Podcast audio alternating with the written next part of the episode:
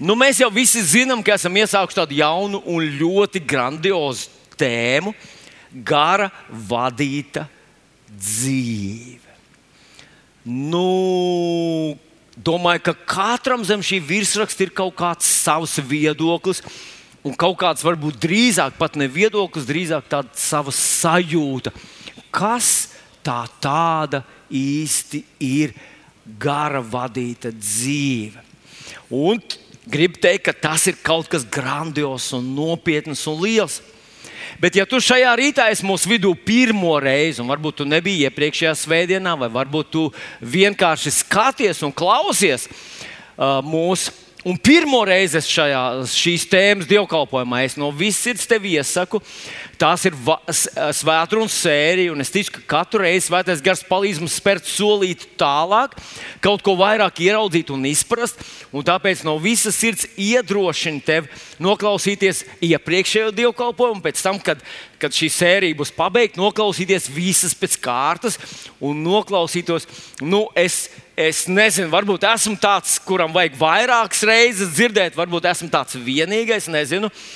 Bet mani ļoti svētī tie sprediķi, kurus es noklausos vairākas reizes.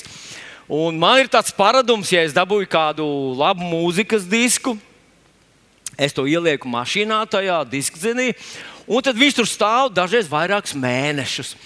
Un, man bija tāds draugs no Amerikas. Viņš vēl aizvien ir, viņš tikai vēl aizvien ir Amerikā, Ēriks. Un viņš uzdāvināja man kādreiz tādu, nu, tādu country stilā, tādu nu, kristīgu dziedātāju, kurš tur dziedāja country stilā, tādas nu, kristīgas dziesmas. Jā. Nu, lūk, viņš man uzdāvināja, un tad pēc pusgada viņš atbrauc pats uz Rīgā. Tad viņš iekāpa manā mašīnā, mēs sākam braukt, un tur sāk skanēt nu, Viņš saka, Vilni, vai tiešām? Es saku, kas tie? Vai tiešām tu vēl aizvien klausies to pašu? Un man jāsaka, palika kauns drusku, bet es teicu, nu, jā, ja man kaut kas patīk, tad man patīk. Jā. Nu, lūk, un es tāpat esmu darījis arī ar sprediķiem. Tu klausies, un klausies, un klausies. Un otrā mēnesī tu sāc sadzirdēt kaut kādas lietas, kuras tu pirmajā nedzirdēji vēl. Es ticu, ka tajā ir milzīga liela svētība. Tātad mēģini to noklausīties vairākas reizes. Bet tā tad gara vadīta dzīve. Gara vadīta dzīve. Man, pirms mēs sākam, man gribas tomēr izstāstīt tādu nelielu ilustrāciju, varbūt kāds padomās, ka viņa neiedarās. Manuprāt, viņa iedarās lieliski. Un stāsts ir par kādu iluzionistu. Visi zina, kas ir iluzionists. Viņš strādāja uz kruīza kuģa. Visumā vienmuļa dzīve. Viens tas pats telpas, viens tas pats katru vakaru, viens tas pats ēdiens, viens tas pats skats visu laiku. Tikai viena lietiņa, kas atdzīvināja viņa pelēko ikdienu, viņam bija papagails. Un viņš to papagailu arī izmantoja savās, uh, savos šovos, kā tādu rekvizītu. Bet tam papagailim bija arī kāda negatīva īpašība. Un papagailis mīlēja. Tad, kad, piemēram, iluzionists kaut ko mēģināja paslēpt, tā novērsa uzmanību. Un, um, Varbūt lika pazust kaut kādiem priekšmetiem, papagailis savā papagaļa balsī kliedza: Zinu, zinu, paslēp, aprocē!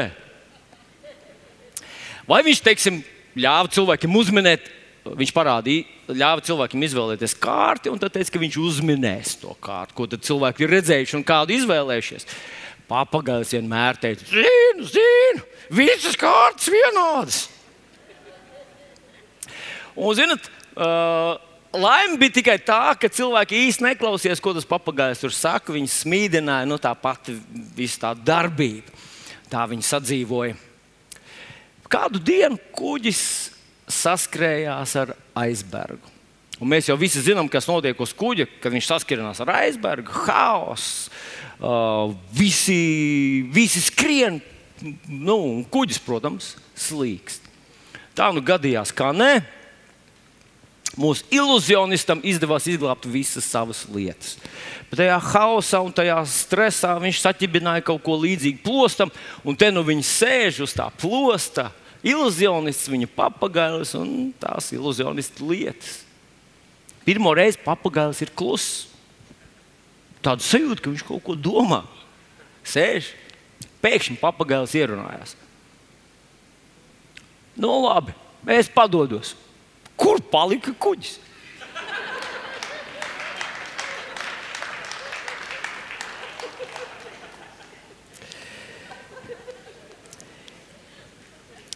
Nu, kādā veidā šī ilustrācija kaut ko nu, var ilustrēt? Ziniet, manuprāt, man negribētos būt tādam līdzīgam papagailim. Man ļoti negribētos, lai mēs ar tevi kļūtu par tādiem papagaļiem, kas ļoti labi zina, kas jādara citiem. Ko tie citi nav izdarījuši pareizi, un kas viņu dvēselēs notiek, un ko viņi domā. Un esam tik kritiski pret visiem. Mēs zinām, kas prezidentam jādara, premjerministram, kas jādara ministriem, kas jādara policistam, kas jādara ierēdnim. Un, zinot, es tā domāju, ka viens otrs ir gatavs kalpot Dievam par padomu devēju. Jo, ja Dievs uzklausītu mūsu padomus, viņa darbs iespējams ietu rūkdams kalnā, vai ne? Jo mēs taču zinām, tāda, nu, šī ilustrācija, tāda papagaļa. Nu, tādā mentalitātē un mūsdienu laikā, vai mūsu situācijā būtu tāda, ka es zinu, kas ar vīrusu notiek. Es tikai nezinu, kur palika kuģis. Kur palika tā lielā dieva svētība, ko viņš apsolīja, uzticēja man, lai es būtu veiksmīgs, lai es būtu neuzvarams, lai es izietu cauri uzvarā, lai man dzīve celtos un nevis bruktu kopā. Par to es neko nezinu. Bet es zinu, kas jādara visai pasaulē. Un dažreiz es dzirdu cilvēkus, kas kritizē mācītājus, tuvu un tālu, un kritizē draugus, un kritizē visu pasauli. Bet, ja mums būtu iespēja ieskatīties viņu mājās, tur būtu bēdas. Es negribētu, ka mēs ar tevi kļūtu par tādiem papagaļiem. Un tāpēc, manuprāt, šī sērija vai šī šī tēma par svētā gara vadīt dzīvi, viņa ir grandioza. Nu, kādreiz jauni kristieši uzdodas, vai jauniem kristiešiem rodas tāds jautājums. Mēs runājam par tēvu, runājam par dēlu, runājam par svēto garu. Mēs pielūdzam tēvu, ejam pie viņa Jēzus vārdā, tad tur ir vēl svētais gars, un tad mēs runājam par svēto garu. Kā lai saprotu, kurš, kur, kur, kad pie kā jāiet? Ziniet, bet tas iespējas ir tikai tāds sākotnējs, tāds aplams iespējas. Jo atcerieties, kad mēs sākām dzīvot, vai ne? Kad mēs sākām dzīvot, mums bija jāiemācās elpot. Pareizi. Atcerieties, cik tas bija grūti, vai ne? Tas bija grūti. Mums bija jāmirkšķina visu laiku, pareizi. Lūdzu, neaizmirstiet mirkšķināt un elpot. Bet mums bija vēl daudz lietas jāiemācās. Atcerieties, ka tu pirmo reizi nostājies uz divām kājām, un tu saprati, ka tev jā, līdzsvars jātur. Un tagad tev jāmirkšķina, jāelpo un vēl jātur līdzsvars. Ārprāts, pa kuru laiku lai vēl dzīvot, jau visu laiku esi nodarbināts ar kaut kādām tādām parastām lietām. Mēs vēl kaut ko varētu tam visam pievienot klāt. Un tāpēc, ka tu, ja tu esi jauns kristietis un tev tā gribas izteikt kaut kādu savu sašutumu, lūdzu, mazliet pagaidi un pietaupi. Visam ir sava ļoti loģiska vieta, ļoti racionāls izskaidrojums, un tas ir ļoti viegli dzīvot īstam Dieva bērnam, Kristu Jēzu, un apzināties, kas ir Tēvs, Dēls un Svētais Gars.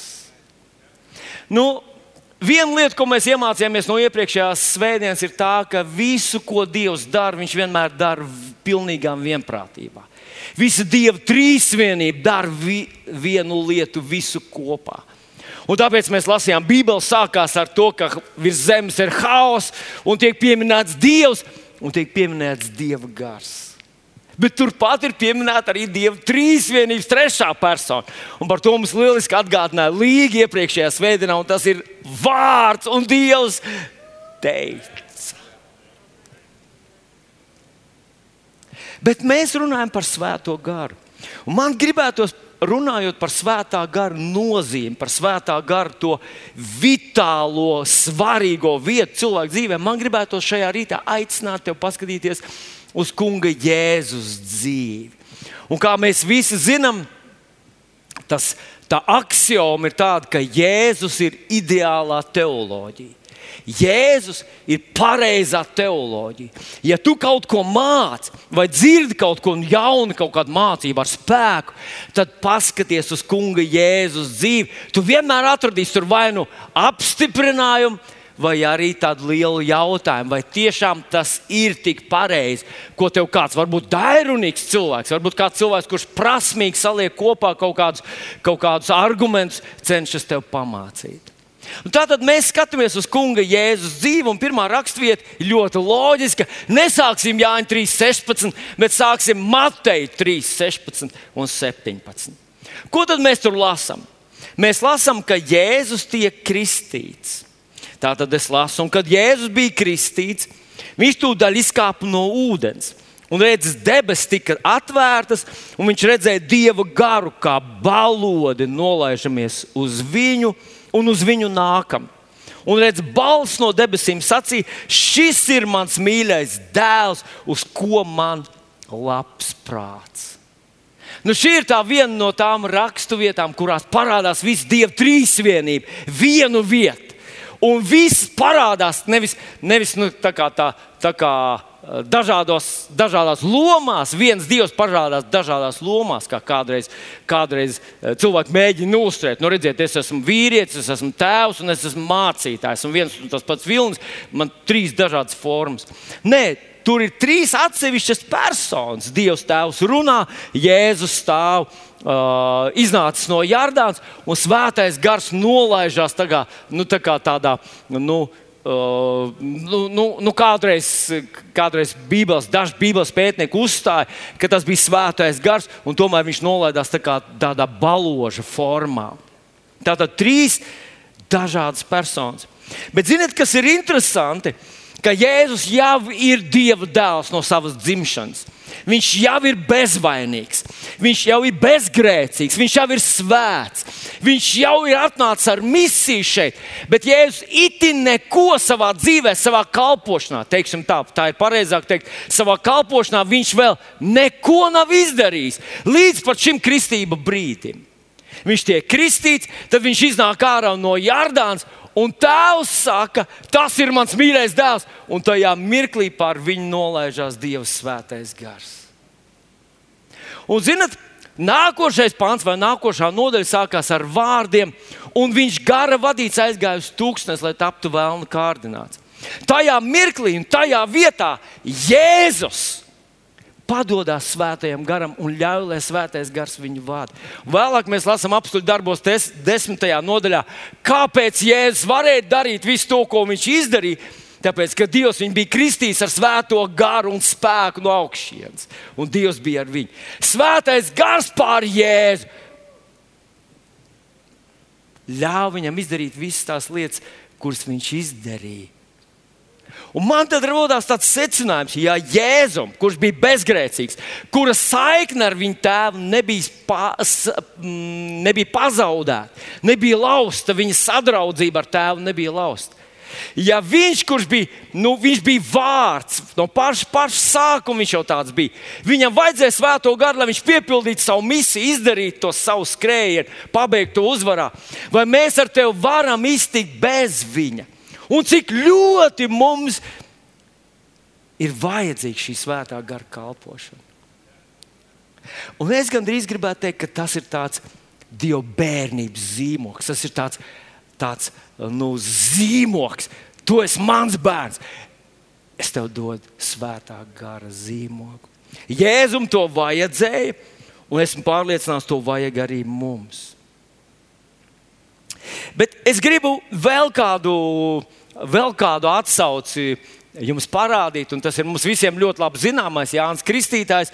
Un Jānis Kristītājs pirmajā nodaļā, Jāņa Evangelī, pirmajā nodaļā, 33. pantā, saka tādus interesantus vārdus. Domāju, ka jūs arī esat lasījuši, un cerams, ka esat domājuši par to.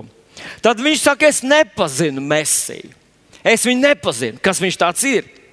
Bet tas, kas man bija sūtījis kristīt ar ūdeni, man sacīja, uz ko tu redzēsi garu, nonākam kā balodi no debesīm un paliekam, tas ir viņš. Tātad tas ir Messi. Kā Jānis Kristītājs, kurš bija tāds ugunsbumba. Jēzus teica, ka visā vecajā darbā nav bijis neviens lielāks pravietis kā Jānis Kristītājs. Un viņš saka, ka tas, kurš mani sūtīja uh, kristīt, teica, ka uz kuru tu redzēsi nonākam svēto garu. Tas ir Mēsija. Iespējams, viņš redzēja daudz gudrus cilvēkus, skaistus cilvēkus, ietekmīgus cilvēkus, stiprus fiziski cilvēkus vai, vai kā savādāk īpašs cilvēks. Bet Dievs viņam bija teicis, uz ko tu redzēsi, nonākam svēto garu. Tas ir Mēsija. Tā bija ļoti spēcīga zīme.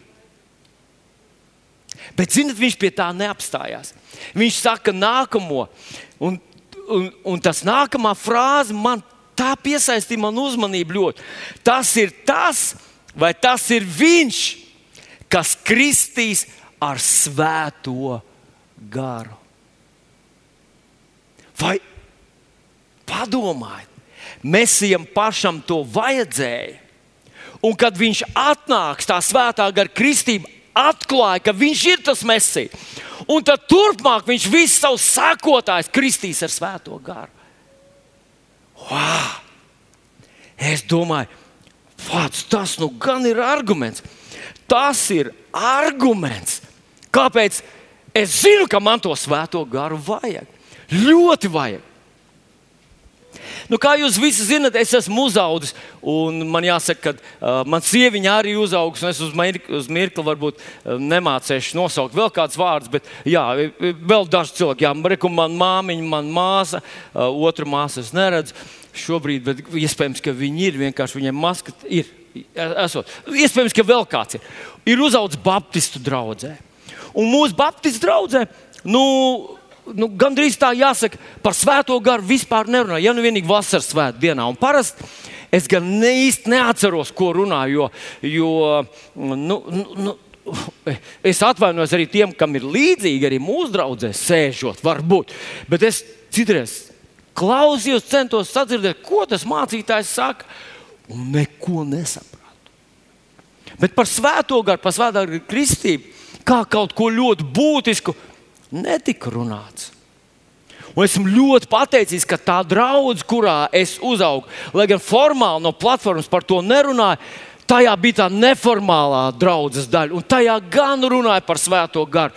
Tajā stāstīja par mācītājiem, kas ir bijuši svētā gara kristīti, par cilvēkiem, kas ir bijuši svētā gara kristīti, par to, kādu viņu dzīvē Dieva svētais gars ir darbojies, un tas vienmēr bija ļoti pozitīvs zīme. Un tā kā no bērnības, lai gan oficiāli to draudzē nerunāja, es dzirdēju, un es zināju, ka es gribu to svēto garu.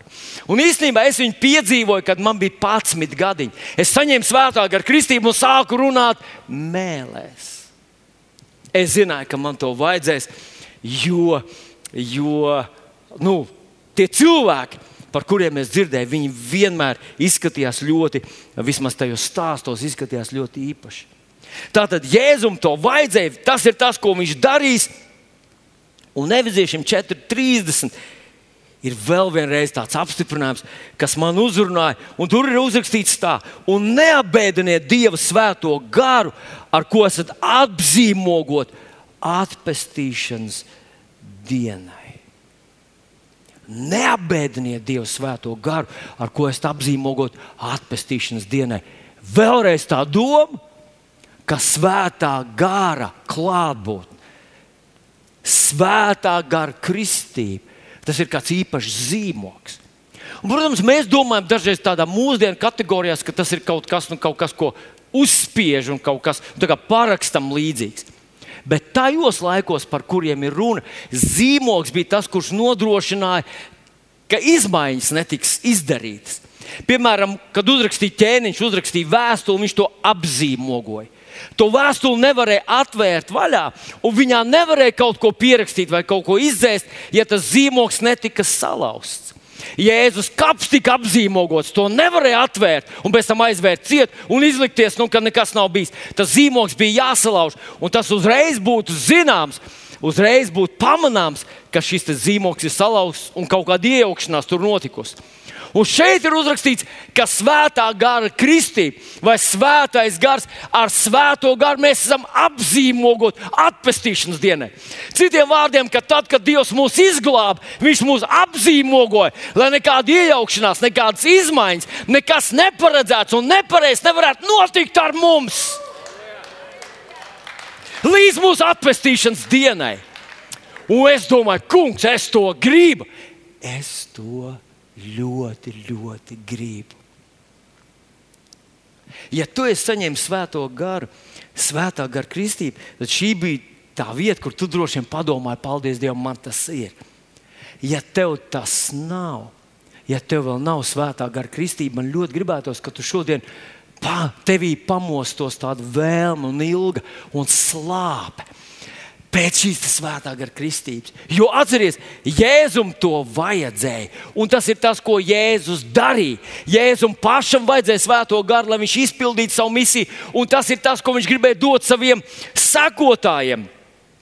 Nu, es atgādināšu vēl vienu rakstvietiņu, ko, manuprāt, ļoti svarīgi būtu o, atcerēties. Arī, bet arī vēl viens aspekts tajā ir, un tas ir apstuļu darba otrajā nodaļā, kur apstults Pēters vasaras svētkos uzrunā cilvēks, kas bija uh, noticējuši, ka Jēzus ir Mēsija. Viņš viņiem saka tādus vārdus: apstuļu darba otrā nodaļa, 38 un 39 pāns. Atgriezieties no grēkiem un liecieties kristīties ik viens Jēzus Kristus vārdā, lai jūs dabūtu grēku piedošanu un saņemtu svētā gara dāvanu. Jo šis solījums dots jums un jūsu bērniem un visiem, kas vēl ir tālu, ko tas kungs mūsu Dievs pieaicinās. Te viņš runā par mums ar tevi, bet mazliet pakāpies atpakaļ un paskaties. Viņš runā par to, lai jūs dabūtu grēku piedošanu. Viņš kā, it kā Jēzus glābjošo darbu sadalīja divās daļās. Grēku piedošana, tas ir esi taisnos Dievu priekšā. Tu vairs neej uz elle, jo tu esi taisns. Dievs taisnajiem ir paredzējis pavisam citu uh, scenāriju un citu ceļu. Tātad viņš dāvinās grēku piedošanu un dāvinās svēto garu. Svētā gara dāvana, Dieva dotu dāvana. Kādreiz kādā vietā teikts, tēva apsolījumu. Apsolījumu. Tas ir vēl kāds aspekts, kuru gribu ļoti nopietni vērst tavu uzmanību uz to. Tas ir apsolījums. Apsolījums. Tas ir apsolījums. Tātad Jēzum to vajadzēja. Tas bija tas, ko viņš darīs. Tas būs zīmogs, pestīšanas zīmogs. Tā ir dārga dāvana un apsolījums. Es īpaši pasvītroju vārdiņu tēva apsolījums. Nu, kāpēc, kāpēc ir viņš īpaši jāpasvītro? Un tāpēc, ka mēs zinām, ka apsolījums nepiepildās automātiski. Mēs lasām Romas vēstulē, 4. nodaļā par Abrahāmu, ka viņš Dieva apsolījumu neuzņēma ar šaubām un neusticību, bet Dievam godu dodams kļūst stiprs ticībā. Un tā viņš šo apsolījumu saņēma. Šis svētā gara apsolījums ir kaut kas grandios, dārgs un nozīmīgs. Ja to vajadzēja Jēzum, viņš to dod visiem saviem mācekļiem. Tas ir svētā gara zīmogs, tā ir dāvana. Tā ir otra lieta pēc grēka piedošanas, ir šīs svētā gara dāvana, un tas ir apsolījums. Es esmu pārliecināts, ka šī svētā gara klātbūtne ne tikai tāds formāls kristības diena, bet šī svētā gara aktīva dzīve klātbūtne var izlemt, kas notiek ar kristiešu dzīvi. Vai tā pārvērst par tādu sausu teorētisku kristietību. Ziniet, tādu tāda kristietība, kur tik smalkas tās visas doktrīnas un tās visas teorēmas, teorēmas, bibliotekas, ka viņas ir tik sausas, ka tā dzīvē neko nevar manīt. Vai arī tas var pārvērst par pilnīgu katastrofu cilvēku dzīvi, svētā gara nesamība. Un turpretī, ja ir Dievs svētais gars, Nu, paskatieties, vecajā darbā, kad vēl nav Jēzus mācekļu, mēs redzam, ka svētais gars nāk visos tajos gadījumos, kur Dievs kādam cilvēkam, parastam cilvēkam, uztic izdarīt kaut ko, ko izdarīt viņam nav iespējams. Tad tur vienmēr nonāk Dievs svētais gars. Un Simpsons ir ļoti spilgts piemērs, kad viņš, kamēr nav Dieva svētā gara pār viņu, viņš ir vienkārši garmatains puisis. Bet tad nonāk svētais gars un hū, viņš pārvēršas par halku. Viņš uznes vārdu, saplēš lauku, viņš saplēš tur ķēdes, strīķus. Viņš, viņš ir vienkārši neuzvarams. Un par to ir runa. Par to ir runa. Kad Dievs saka, jaunajā darbā, labākajā darbā, kad Mēsija būs atnācis, Viņš pats būs svaidīts un Viņš to atstās visiem saviem mācekļiem. Un ja tas ir apsolījums, tad mums visiem vajadzētu sekot Abrahamam, piemēram, un neuzņemt to ar šaubām un neusticību un ar tādu pasivitāti.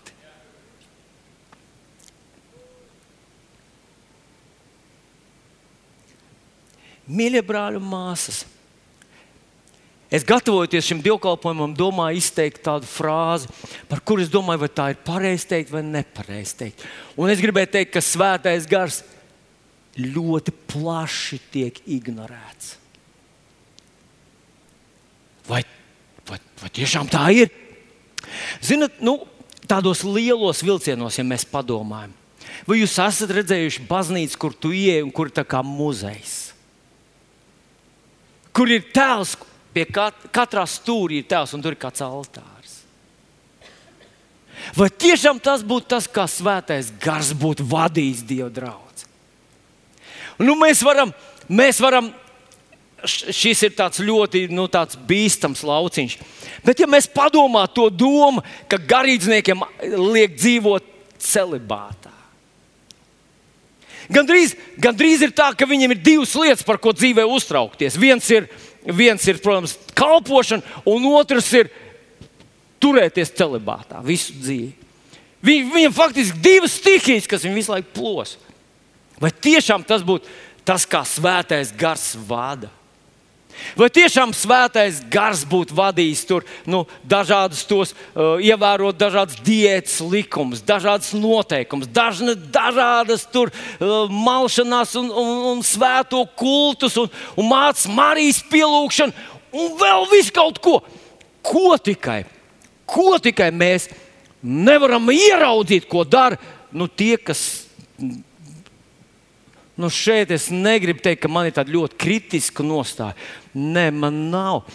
Un drīzāk es domāju, nu kā, tas, kā, tas, kā tas nonāca pie tā. Nu, to mēs redzējām gandrīz tikko. Nu, pat. Nu, varbūt jūs arī paskatījāties Eiropas ziņas, un tur rādīja zvaigznes dienā, ja, kur visur kristīgajās valstīs cilvēkiem ir tāda svēta tradīcija, lai vai kas viņi ies ūdenī, augstā, ledā, augstā ūdenī, zvaigznes dienā, un tur sēdēs, un tur šļakstīsies, un tur peldēsies, un domās, ka nu, tajā dienā tas ūdens kļūs dziedniecisks un nezinu, kas tur vēl ir. Nu, es nekad neesmu bijis tajā ūdenī, un man vispār tā doma ir, ka vajadzētu mazliet parūdīties. Bet Bībelē neko tādu es atros, atrast nevaru. Un vai tiešām tas varētu būt svētais gars, kas ved un kas atklāja un kas liek nodot šo svēto tradīciju no paudzes paudzē? Cilvēki to sargā, cilvēki tic tai, cilvēki uzskata, ka tā nu ir tā liela aizliekšanās Kristus dēļ. Nu, labi, neskatīsimies apkārt. Es ļoti gribētu, ka mēs paskatītos pašu sevi. Un man ir jāatzīst, ka arī manā dzīvē ir bijuši tādi lieli posmi, ka esmu bijis nu, aizņemts ar visu kaut ko citu. Un tikai tāpēc, ka es neesmu piešķīris lielu nozīmi tam, cik ļoti daudz būtu man varējis dot šis aizstāvis un mierinātājs, svētais gars. Un redziet, Skumji, ja cilvēks nav saņēmis svētā gara kristību un viņš dzīvo bez tā. Bet vēl skumjāk ir, ja cilvēkam ir svētā gara kristība. Viņš vienkārši viņu ir ielicis stūrī un neatļauj viņam uzrunāt sevi. Tas līdzīgi kā laulība, vai ne? Viena lieta, ka cilvēks ir neprecējies un ka viņš ir viens, bet vēl traģiskāk, ja cilvēki ir precējušies, viņi ir kopā, bet viņiem nav nekā kopēja. Viņi dzīvo kā sveši cilvēki, sanaidojušies, neiecietīgi viens pret otru. Tad tā ir vēl lielāka traģēdija. Un šajā rītā mans uzrunas mērķis ir mēs ar tevi. Dievs palīdz mums apzināties, kāds dārgums tas ir, ko esam saņēmuši. Kāds milzīgs potenciāls ir šajā svētā gara sadraudzībā, kur Dievs mums ir devis. 2. korintiešiem 13, 13 uzrakstīts tāds pāns. Tad, nu, tad, um, kad um, tā kunga žēlastība, dieva mīlestība un svētā gara sadraudzība, lai jūs pavadītu. Svētā gara sadraudzība ir brīnišķīga lieta. Nu, es aicināšu tevi vēl vienu solīt tālāk. Un gribētu paskatīties ar tevi Jāņa Evanģelijā 14. nodaļā, 16. Uh, pantu. Jāņa 14, 16. Jēzus vēl aizvien runā par svēto garu, un viņš saka tā: Es lūgšu tēvu, un viņš dos citu aizstāvi, lai tas būtu pie jums mūžīgi. Es lūgšu tēvu, un viņš dos citu aizstāvi, lai tas būtu pie jums mūžīgi. Mūžīgi tas vārds, ko viņš cenšas šeit pateikt, tajā nelielajā teikumā, viņš dos citu aizstāvi. Grieķu valodā tur ir lietots vārdiņš allos, kur varētu būt lietots vārdiņš heteros. Tas nozīmē, viņš dos citu, citādu. Bet tur ir lietots vārdiņš allos, tātad cits, bet tāds pats. Tātad pēc būtības viņš saka, ka nāks tāds pats kā es, bet cits. Un tas būs pie jums mūžīgi. Pasaka, mūžīgi. Nevis, nevis līdz nāvei, nevis līdz kaut kādus gadus, bet mūžīgi. Wow! Es sāku domāt, tas nozīmē, ka Kad mēs paskatāmies uz kungu Jēzu, mēs varam secināt, kāds ir svētais gars. Jo redzi, Dieva trīsvienība pēc būtības ir šokējoša, ļoti vienādas, spilgtas, stipras, neatkarīgas un tomēr vienprātībā personas. Atcerieties, Jēzus saka, kas ir redzējis mani, ir redzējis tēvu. Šeit faktiski Jēzus saka, kas man ir redzējis, tas ir redzējis svēto garu. Kāds es esmu, tāds pats viņš ir un kad es aiziešu, viņš nāks pie jums un paliks pie jums mūžīgi.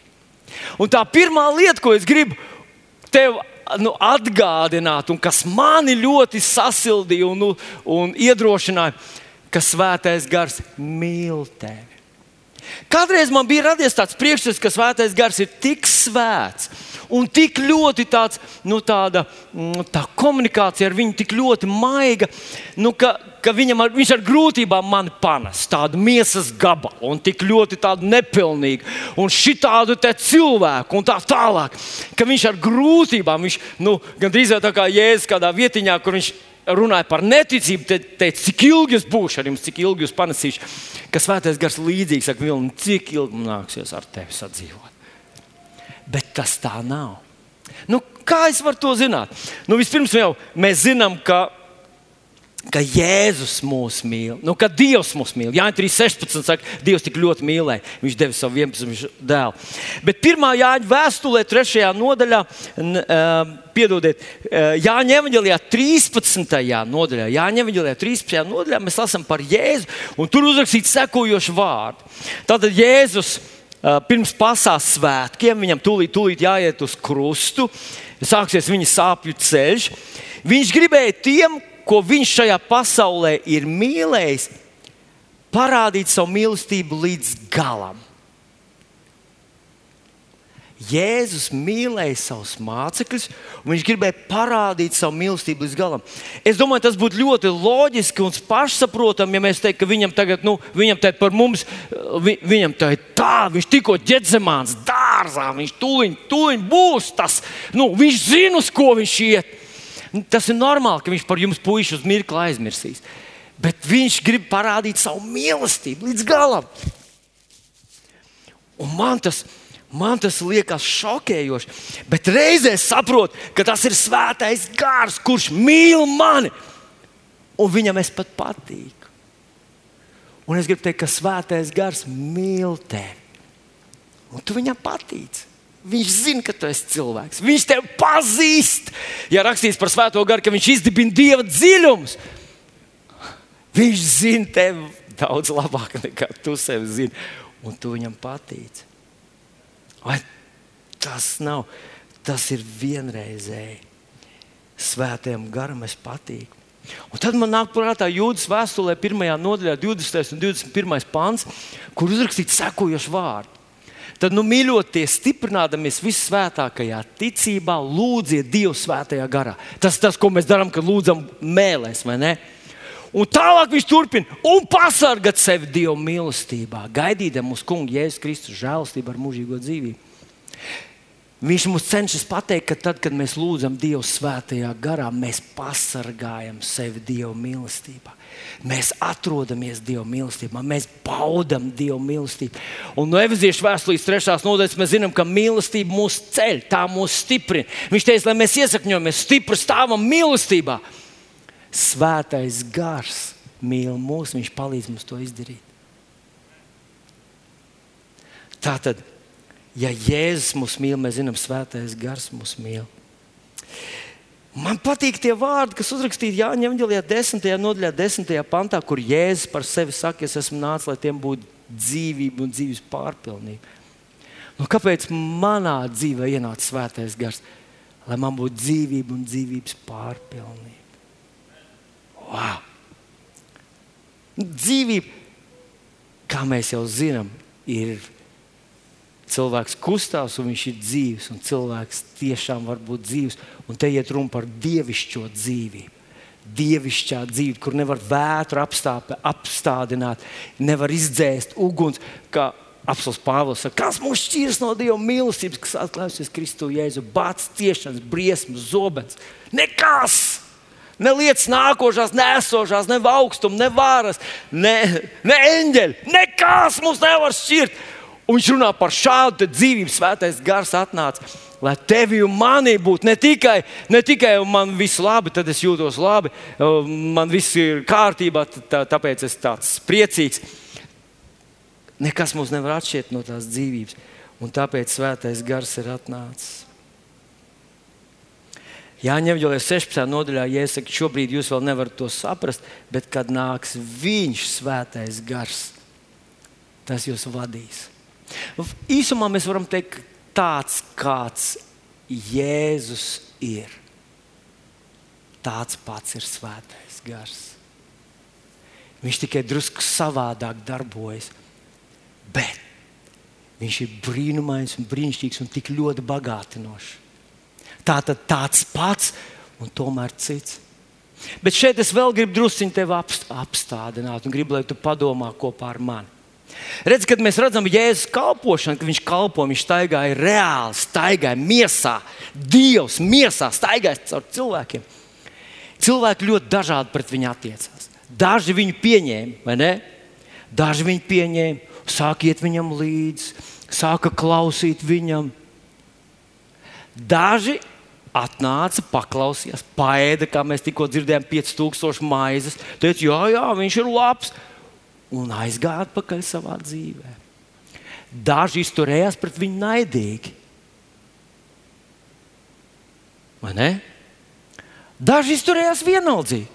Nu, jā, viņš tur ir, jā, viņš mūsu ciematā uzauga. Jā, jā, jā tur runāja par viņu visas runas. Bet ko tam man, man jau pašam, man te ir raitas trīs, un man ir uh, sievas, uh, sieva, un man ir tur, nu, vārds sakot, Man ir pašam savu dzīvi, un vēl jāelpo un jāmirkšķina līdzsvars. Jā, tur, pa kuru laiku lai es tur eju, to mesiju apraucīju. Bija cilvēki, kas viņu izmantoja savai karjerai.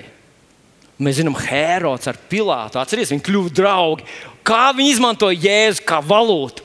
Aizsūtīja viens otram, otrs viņā deva atpakaļ, kā neitrāli, kā mūsdienu politikas, nu, cienīgi gājieni, un tajā dienā viņi kļuva draugi. Vai tā var izmantot jēzu? Jā, cilvēki izmanto viņu. Tāpat, mīļie draugi, var izturēties arī pret Svēto garu. Redzi, vi, Dievs viņu ir devis. Bet, ja es pret viņu izturos vienaldzīgi un neieinteresēti, un es vispār neticu, ka viņam kaut kas tāds īpašs ir, viņš ir galvenieks, Jēzus. Nu, svētais gars, šeit, bla, bla, bla, bla, nu, tas arī viss. Un kāda tie svētā gara cilvēki ir? Un es domāju, ka varētu atrast kāds negatīvs piemērs arī mūsu pašu vidū. Mums nav jāmeklē apkārt. Mūsu pašu vidū ir dažādi cilvēki. Un dažkārt tev liekas, hei, vai tu neredzi vispār, ko tu dari? Bet cilvēks tādā svētā pārliecībā. Vai tev pašam nekad nav gribējies izmantot svēto garu un tā kā savai, nu, mm, savtīgi, teiksim tā? Tev nav nekad bijis tā, ka ir cilvēks, kurš tev ir, ir nozīmīgs un svarīgs, un tu gribi kā, viņam kā, nopravietot un kaut ko pateikt no svētā gara, nu, kaut ko tādu, no nu, tā, lai cilvēks zina, no kā nāk tas viss. Domāju, ka tas ir diezgan izplatīta parādība. Cilvēks sāk izmantot šo dāvanu, ko Dievs viņam it kā ir devis, lai sevi paceltu. Nopravietoju tam, nopravietoju tam tam, kurš man negribēja dzirdēt, tam nebūs tik labs pravietojums. Jo svētais gars manī, kā es jūtos, cilvēks lēnām svēto garu sāk asociēt ar savām sajūtām, ar savu karjeru, ar savu izdevīgumu. Man ļoti gribētos teikt, ka es neesmu pie tā vainīgs, bet visdrīzāk tā nav patiesība. Arī man kādreiz ir kāds simpātisks cilvēks, un tā gribas, nu tā kā gribas, un liekas, nu svētais gars, nu saņemies, nu davai izdarām to.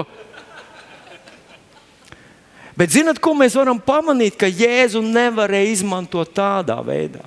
Tu nevarēji, nevarēji viņam likt runāt to, ko viņš negribēja runāt. Tu varēji viņu aizliegt, tu varēji viņu neklausīt, tu varēji viņu ignorēt, tu varēji viņu apvainot, tu varēji viņu nogalināt bet tu nevarēji viņu locīt tā, kā tev gribējās. Un tieši tāds pats ir svētais gars. Un es domāju, ka Dievs palīdz mums saprast. Labi, ja man kā cilvēks ir simpātisks, es labāk pateikšu, ka es lūgtu par tevi, es novēlu tevi, es gribētu, lai tev tā notiek. Ak, ja es būtu Dievs, es tev darītu šitā un tā. Bet es neesmu. Un ja tev svētais gars neko nedod, tad pasaki, man nekā nav. Mīļie draugi, es domāju, tā ir ļoti bīstama taka sākt iet pa taciņu, kurā tu asociē visu, kas ieskrien tavā dvēselē. Tas viss ir svētais gars. Īsnībā tu esi svētais gars. Tā ir ļoti liela garīga augstprātība. Un es domāju, Dievs lepniem turas pretī. Faktiski. Protams, katrs gadījums ir atsevišķs, un es ne, neizsaku šobrīd nekādu diagnozi nevienam. Bet faktiski, ja cilvēks tajā iet tālu, viņa dzīvē vajadzētu brukt kopā. Jo tā ir tā tipiska, milzīga, reliģiska augstprātība, ka tu ieņem dievu vietu un faktiski izliecies par to, kas tu neesi. Kur mums vajadzētu būt pazemīgiem un saprast, Kungs, Dievs, es tev pateicos par svēto garu. Tu mani vadi, nevis es tevi vadu. Tu esi galvenais, nevis es. Tu zini, un es nezinu neko. Un kā vienreiz man uzrunāja Dievs, tas bija diezgan ilgu laiku atpakaļ. Katru reizi, kad tu par kādu spriedi, tu kļūdies. Es negribētu, ka mēs ar tevi būtu papagaili, kas visu zina par visiem. Pašiem dzīvi tikai slīd ārā no rokām. Paldies, Tev, Kungs, par svēto garu. Es gribētu izturēties pret viņu ar milzīgu cieņu un pietātu. Kādreiz man uzdāvināja tādu disku ar uh, Amerikas, um, tūlīt atcerēšos, kā viņu sauc.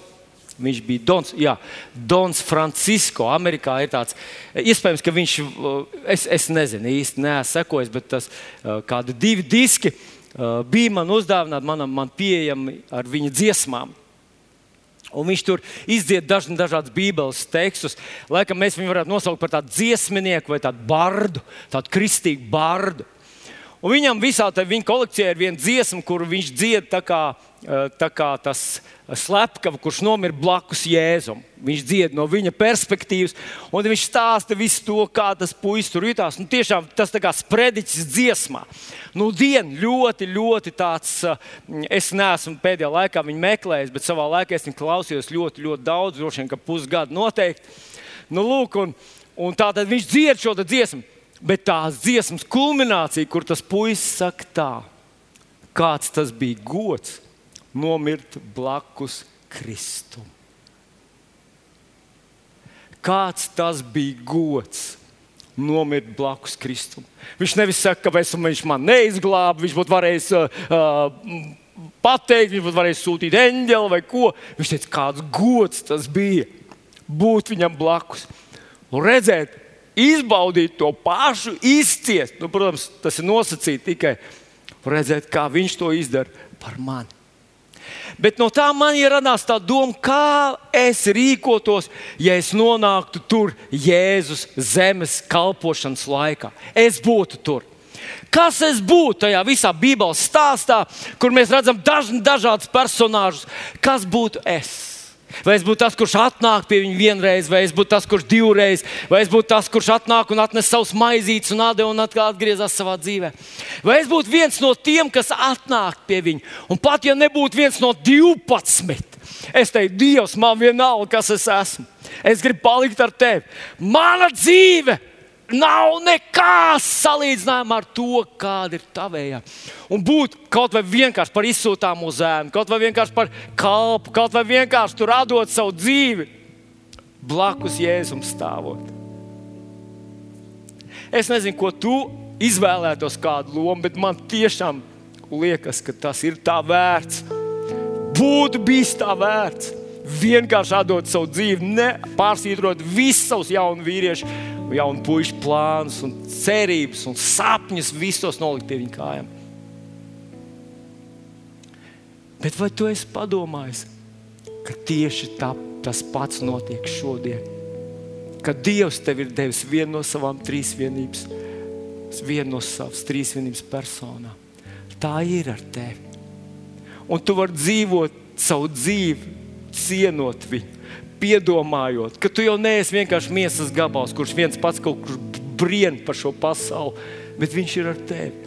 24 stundas diennaktī Dieva svētais gars, mierinātājs.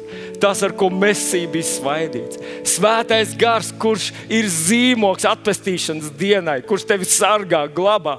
Svētais gars, kurš atnāca, lai tev būtu dzīvība. Svētais gars, kurš tevi mīl un būs pie tevis mūžīgi. Kā man vajadzētu izturēties pret tevi? Kā man vajadzētu respektēt tavu kalpošanu, respektēt to tavu daļu, ko tu vari ielikt manā dzīvē? Cik ļoti man to vajadzētu vērtēt un respektēt to? Mums visiem ir tāda iespēja parādīt un vēlreiz nodzīvot savu dzīvi tā, it kā mēs staigātu Jēzum blakus. Un es nobeigšu ar divām raksturvietiņām, mīļais draugs. Es zinu, ka laiks ir paskrējis, bet man ļoti gribas viņas nobeigt. Jānis 16, 13. Kad nāks viņš, patiesības gars, tas jūs vadīs visā patiesībā. Nevis mēs viņu vadīsim, viņš vadīs. Nevis mēs viņam teiksim, uzdosim jautājumus un liksim viņam atbildēt. Es esmu grēkos šos grēkus, un devis viņam visus atzīst uzdevumus un jautājumus, kas ir tas, kas ir tas, kā tas, kā tas. Pff, bet es domāju, viņš, viņš zina perfekti visu. Kāpēc man labāk neļauties viņam svētais gars, ko tu gribi? Kas ir tas, ko manā dzīvē man vajag? Viņš tevi vadīs. Jo viņš nerunās no sevis paša, bet runās to, ko dzirdēs un darīs zināmas nākamās lietas. Viņš mani cels godā. Nevis tevi cels godā, svētais gars, bet Jēzu cels godā. Un kāda tā ir gudrība? Ka tu nevis sevi celties, centies kaut kur sevi izbīdīt. Kāda no tā ir jēga? Kāda no tā ir jēga, cilvēki par tevi mazliet labāk domās, vai mazliet sliktāk domās, vai kāds būs pārsteigts par to, kāds tu esi svaidījis, vai kāds nebūs pārsteigts. 98% nu, iespējams, ka ar šiem procentiem es kļūdos. Bet ļoti lielā mērā cilvēki visi domā katrs par sevi. Īsnībā iespējams, ka par tevi un mani neviens nedomā. Tāpēc līdz no ādas ārā un sabojāt savas attiecības ar Svēto garu tikai tāpēc, lai uz mirkli parādītos pie viņa horizonta, nav vērts. Viņš tevi vadīs. Viņš cels Jēzu godā, jo viņš ņems no tā, kas ir mans, un jums to darīs zinām. Vāda lūdzu mani svētais gars. Vāda lūdzu mani. Vādi man šodien. Palīdz man saprast lietas, kas man jāsaprot, palīdz man ieraudzīt, palīdz man dzirdēt, palīdz man darīt tās lietas, kuras man jādara. Jo es taču gribu nodzīvot savu dzīvi pareizi. Un pēdējā rakstvietiņa Romiešiem 8,26. Bez tam arī gars nāk palīdzīgā jūs nespējam. Jo mēs nezinām, ko mums būs lūgt un kā, bet pats gars aizlūdz par mums ar bezvārdu nopotām. Un tas, kas izpētīs sirdi, saprot, ko gars grib, jo tas pēc dieva gribas iestājas par svētajiem. Svētais gars! Es zinu, ka Jēzus iestājas par maniem. Mēs zinām, Viņš ir aizstāvs. Viņš tur debesīs iestājas par maniem. Izrādās arī svētais gars par maniem iestājas. Es nebrīnos, kāpēc apelsīns Pāvils saka, es lūdzu vairāk par jums visiem svētajā garā. Un viņa doma bija vairāk par visu Korintas draugu, vairāk par visiem jums draugu locekļiem kopā. Es lūdzu svētajā garā, jo viņš mani vada. Viņš iestājas par maniem. Un tad romiešu vēstulīte sastāv, nu, piedodiet, evizīšu vēstulīte sastāv nodaļa 18. pants, kur viņš runā par visiem diviem ieročiem, lai jūs beidz, būtu spēcīgi pretī stāties ļaunā dienā un visu izturējuši varētu pastāvēt. Nākošais pants, 18. pants, saka, tad nu, lūdziet Dievu svētajā garā, visādos lūkšanas veidos, tai pašā nolūkā. Tas nebija precīzi, bet doma ir tieši tāda. Tad, kad tev ir garīga cīņa, tu tici, tu lieto garu ieroči, tu pravieto, bet tu lūdz svētajā garā. Ak, Dievs! Kāda tā ir dāvana, kāda bagātība. Dievs, es pateicos par svēto garu. Tas nozīmē garīgas cīņas pašā kulminācijā. Ko es daru? Es lūdzu garā. Neziņas pašā kulminācijā. Ko es daru? Es lūdzu garā. Kad es meklēju Dievu garu, kad es gribu saņemt savu dziedināšanu, es lietošu apsolījumu. Es ticu, ka Viņš deva savu svēto garu man lai tas atnes manā dzīvē šo dievišķo dzīvību. Brāl un māsa, mīļo man, brāl un māsa. Dievs deva savu svēto garu tev un man. Kungs, mēs gribam to respektēt un lietot. Mēs gribam padoties, mācīties, saprasties un paklausīt, tikt svētā garā vadīt. Vai es drīkst dzirdēt tavu āmenu uz to?